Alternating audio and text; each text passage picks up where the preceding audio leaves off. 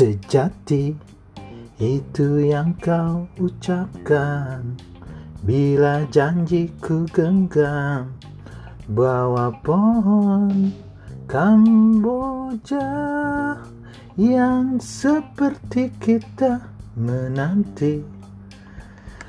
Baiklah, kawan-kawan literasi, itu tadi penggalan lagu sejatinya Wings. Jadi ketahuan saya hidup di zaman apa ya. Tapi nggak ada hubungannya dengan topik kita kali ini merenungkan editor sejati. Jadi saya tidak sengaja terjeblos atau terjerembab ke prodi Diploma 3 Editing di Universitas Pajajaran jurusan Bahasa dan Sastra Indonesia itu tahun 1991 prodi editing sendiri sudah ada sejak tahun 1988 dan itu yang mendirikannya salah satunya adalah uh, Profesor Jus Badudu jadi beliau yang menggagas perlunya ada program studi editing di Unpad. Nah, waktu saya lulus SMA dari Medan langsung ke Bandung dan sempat UMPTN di apa di ITB. Saya memilih jurusan Teknik Industri waktu itu. Kemudian saya mencoba juga jalur ujian di luar UMPTN, yaitu salah satunya adalah prodi Diploma 3 di Fakultas Sastra di Unpad waktu itu pikiran saya editing adalah salah satunya editing film. Jadi wah ini mungkin kaitannya dengan teknologi juga. Tapi ternyata saya salah. Prodi editing itu hanya uh, sebenarnya membahas atau mempelajari tentang ilmu penerbitan khususnya penyuntingan atau editing nah jadi saya termasuk salah seorang di Indonesia yang memiliki latar belakang pendidikan formal walaupun hanya D3 itu di editing. Selain prodi editing, sebelumnya sempat ada juga prodi penerbitan di Politeknik Negeri Jakarta, kemudian di Politeknik Negeri Media Kreatif. Tapi mereka tidak khusus uh, mempelajari soal editing, hanya ilmu penerbitan atau publishing science. Kalau di luar negeri sendiri, nomenklatur pendidikan penyuntingan ini selalu disandingkan dengan penulisan. Jadi nama nama prodinya itu Professional Writing and Editing. Anda boleh cek di Google.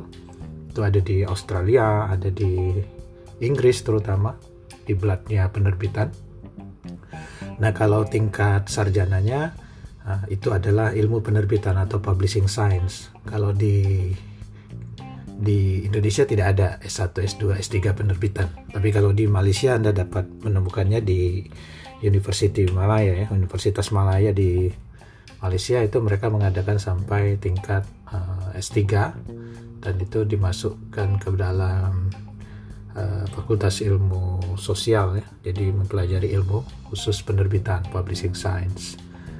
Nah, editing di Unpad sendiri sudah tidak ada tahun 2010 sudah ditutup prodi ini mungkin karena sepinya peminat tapi makin hari makin hari kita ketahui bahwa ilmu editing ini ternyata diperlukan dan akhirnya kita sulit mencari editor yang sejati editor sejati itu menurut saya salah satunya memang memahami ilmu penyuntingan ilmu penyuntingan itu ranting dari ilmu penerbitan publishing science Adapun ilmu penerbitan itu cabang dari ilmu komunikasi dan akarnya ilmu komunikasi adalah ilmu bahasa.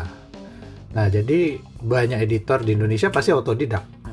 Kalaupun ada dari prodi diploma 3 editing, Unpad, Pajajaran ya itu mungkin sangat sedikit yang ada sekarang.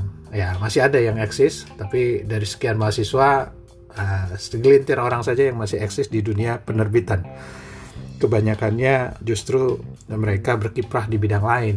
Nah itu. Jadi saya boleh katakan editor sejati yang menguasai ilmu penyuntingan itu sedikit sekali di Indonesia. Yang banyak justru editor jadi-jadian. Bagaimana ini editor jadi-jadian? Ya mereka hanya belajar bahasa, kemudian uh, mereka merasa sudah mampu menyunting. Padahal editing naskah atau penyuntingan naskah itu terdiri atas tujuh aspek. Ini yang saya pelajari di Prodi D3 Editing Unpad dan ini di aspek ini diambil dari beberapa buku pondasi editing ya paling uh, waktu itu yang populer kita gunakan uh, uraiannya dari Datus ya Datus C. Smith yang menulis buku tentang pengantar tentang penerbitan buku diterjemahkan di Indonesia. Nah, dia mengatakan ada tujuh aspek yang disunting dari sebuah naskah. Yang pertama adalah keterbacaan. Keterbacaan di sini lebih kepada uh, aspek visual.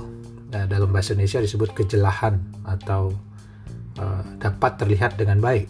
Jadi keterbacaan hubungannya dengan tipografi dan desain sebenarnya. Jadi di editing saya belajar ilmu DKP juga, ya, termasuk belajar tipografi dan perwajahan. Kemudian yang kedua, aspek yang kedua adalah konsistensi atau ketaat asasan. Ini hubungannya dengan penggunaan penggunaan gaya selingkuh atau penerapan gaya selingkuh pada suatu penerbitan. Nah, itu yang yang saya pelajari di Unpad ya, di prodi D3 editing Unpad. Kemudian yang ketiga adalah kebahasaan. Nah, di sini baru kita menyunting eh, dari aspek bahasa. Dari aspek bahasa itu mulai dari diksi, ejaan, kalimat, tata, uh, tata kalimat ya, tata bentuk, kata-kata berimbuhan sampai paragraf dan wacana secara keseluruhan. Jadi itu yang ketiga. Jadi satu tadi adalah aspek keterbacaan, readability dan ada legibility, legible. Kemudian kedua ketat asasan, ini kaitannya dengan penerapan gaya selingkung dan tata tulis bagaimana menulis daftar pustaka, bagaimana menyusun indeks ini termasuk di tahap asas. Yang ketiga kebahasaan terkait dengan tata bahasa. Yang keempat, aspek yang termasuk sulit disunting adalah kejelasan gaya. Gaya di sini bukan gaya selingkung, tapi gaya penulis. Jadi penulis itu punya style, apalagi penulis yang sudah jadi. Nah, bagaimana editor mampu mengedit gaya mereka tanpa menghilangkan ciri khas mereka. Jadi editor nggak boleh mengedit nanti malah muncul gayanya sendiri bukan gaya penulisnya. Itu yang yang uh, aspek yang keempat. Aspek yang kelima adalah ketelitian data dan fakta. Ini yang disunting juga. Jadi makanya editor harus punya wawasan luas, pengetahuan umum, pengetahuan khusus supaya dia mampu mengedit data dan fakta valid itu termasuk teori, konsep, definisi, angka-angka, cara penulisan nama orang, nama tempat, nama lembaga itu nggak boleh salah. Itu aspek kelima dari ketelitian data dan fakta. Aspek keenam adalah legalitas dan kepatutan. Kalau sekarang di dalam undang-undang perbukuan disebut legalitas dan norma. Jadi ini editor harus dapat memastikan bahwa naskah yang disunting itu bebas dari pelanggaran hak cipta orang lain bebas dari pelanggaran norma, contohnya pornografi, ujaran kebencian, hoax, dan penistaan sara. Itu aspek ke-6 ya. Nah, aspek terakhir, ini hubungannya dengan produksi. Ketepatan perincian produksi. Ketepatan perincian produksi artinya editor harus mampu memberikan usul terkait dengan produk jadinya nanti bagaimana ukuran buku, kertasnya pakai apa, kemudian dicetak dengan cara bagaimana, ya, sehingga terjadi efisiensi dalam uh, penggunaan bahan dan sebagainya. Nah, aspek ketujuh ini memang jarang dilakukan oleh editor-editor pemula. Umumnya yang melakukan ini adalah yang disebut dengan development editor. Ilmunya namanya developmental editor. Jadi kawan-kawan literasi editing itu banyak macamnya ada yang paling standar itu yang harus dikuasai itu namanya mechanical editing penyuntingan mekanis. Ini yang menyunting e, secara mekanis. Kalau naskah terlihat ada kesalahan mekanis salah tik salah ejaan salah bahasa itu masuk ranah penyuntingan mekanis termasuk cara penyusunan daftar pustaka rujukan silang dan sebagainya. Yang kedua yang termasuk penyuntingan berat atau sedang dikategorikan namanya substantif substantif editing ya, penyuntingan substantif. Di sini ada developmental editing, penyuntingan pengembangan, ada structural editing, penyuntingan struktur dan ada comprehensive editing, penyuntingan menyeluruh.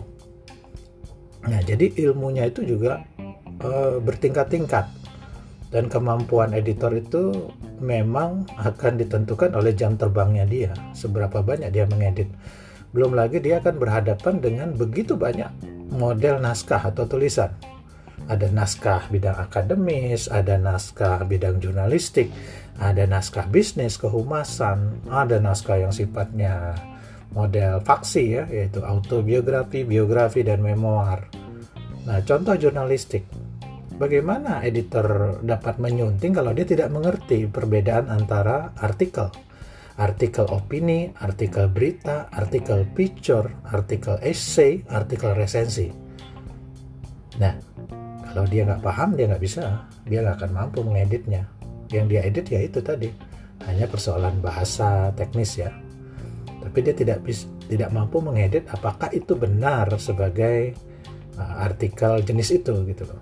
Jadi ini banyak macamnya. Apalagi di akademis macam-macam tuh ya ada yang disebut bahan ajar hand out presentasi modul diktat buku ajar. Ada lagi yang disebut dengan uh, hasil penelitian ya kesarjanaan ya skripsi tesis disertasi belum lagi artikel jurnal essay di jurnal belum lagi yang namanya komunikasi pendek kajian kebijakan ya ringkasan kebijakan policy brief itu macam-macam. Sehingga peta pekerjaan editor itu sebenarnya luas sekali. Macam-macam. Nah, editor sejati tentu dia akan memahami tujuh aspek tadi, aspek uh, penyuntingan dengan sangat baik. Jadi dia tidak tidak tidak dapat mengaku-ngaku editor, tapi begitu ditanya apa itu substantif editing atau apa apa yang dimaksud dengan legalitas dan norma, apa yang dimaksud dengan penyuntingan uh, kejelasan gaya, dia tidak dapat menyebutkan. Ya memang orang menyangka kalau oh, gini terlalu teoretis teoritis karena ada ilmunya. Fondasi ilmu itu kan juga didukung oleh teori-teori, konsep-konsep, definisi dan penemuan-penemuan. Dan ini sudah dilakukan oleh orang uh, pakar beberapa puluh bahkan ratus tahun ratusan tahun yang lalu kan gitu. Ilmu editing sendiri di Indonesia sudah ada sejak abad ke-19 atau tahun 1800-an akhir. Karena uh, seiring dengan masuknya penjajah Belanda mereka juga mengembangkan penerbitan dan percetakan di Indonesia. Jadi editor sudah ada sejak dulu. Nah, makanya uh, ya kadang-kadang saya miris lihat uh, layanan editing di satu situs web di kalau kita googling itu nulis layanannya aja salah-salah. Apalagi dia ngeditnya kan jadi masih banyak hal-hal yang uh, tidak diketahui dan ke orang itu mengaku sebagai editor. Makanya kalau kalau saya kemudian menggagas sertifikasi editor bukan apa-apa. Ya memang kita harus menguji para editor yang banyak tersebar di, di sekarang. Adapun editor senior yang sudah berpengalaman, ya tentu diberi penghormatan sertifikat bahwa mereka memang layak menjadi editor dan melakukan tugas-tugas uh, editor. Nah, jadi merenungkan editor sejati ini kita akan sampai pada satu titik yang namanya kompetensi dan kemudian yang namanya kompeten. Ya, semuanya ada ilmunya pasti, termasuk penulisan juga ada ilmunya. Ketika seseorang mengaku dia penulis profesional, tentu profesional apa nih? Di bidang apa nih dia nulis? Apakah dia generalis atau spesialis? Editor juga ada yang generalis, ada yang spesialis. Berbeda menyunting karya fiksi dengan karya non fiksi. Nah, apakah puisi itu disunting, diedit atau tidak? Itulah persoalannya ilmu editing. Jadi kawan-kawan literasi, ya kalau Anda berminat di bidang editing atau ingin jadi editor, jadilah editor yang sejati. Maka dari itu Anda dapat mendengarkan lagu Wings tadi supaya Anda benar-benar menjadi editor sejati. Terima kasih, sampai jumpa lagi dalam kanal literasi lainnya.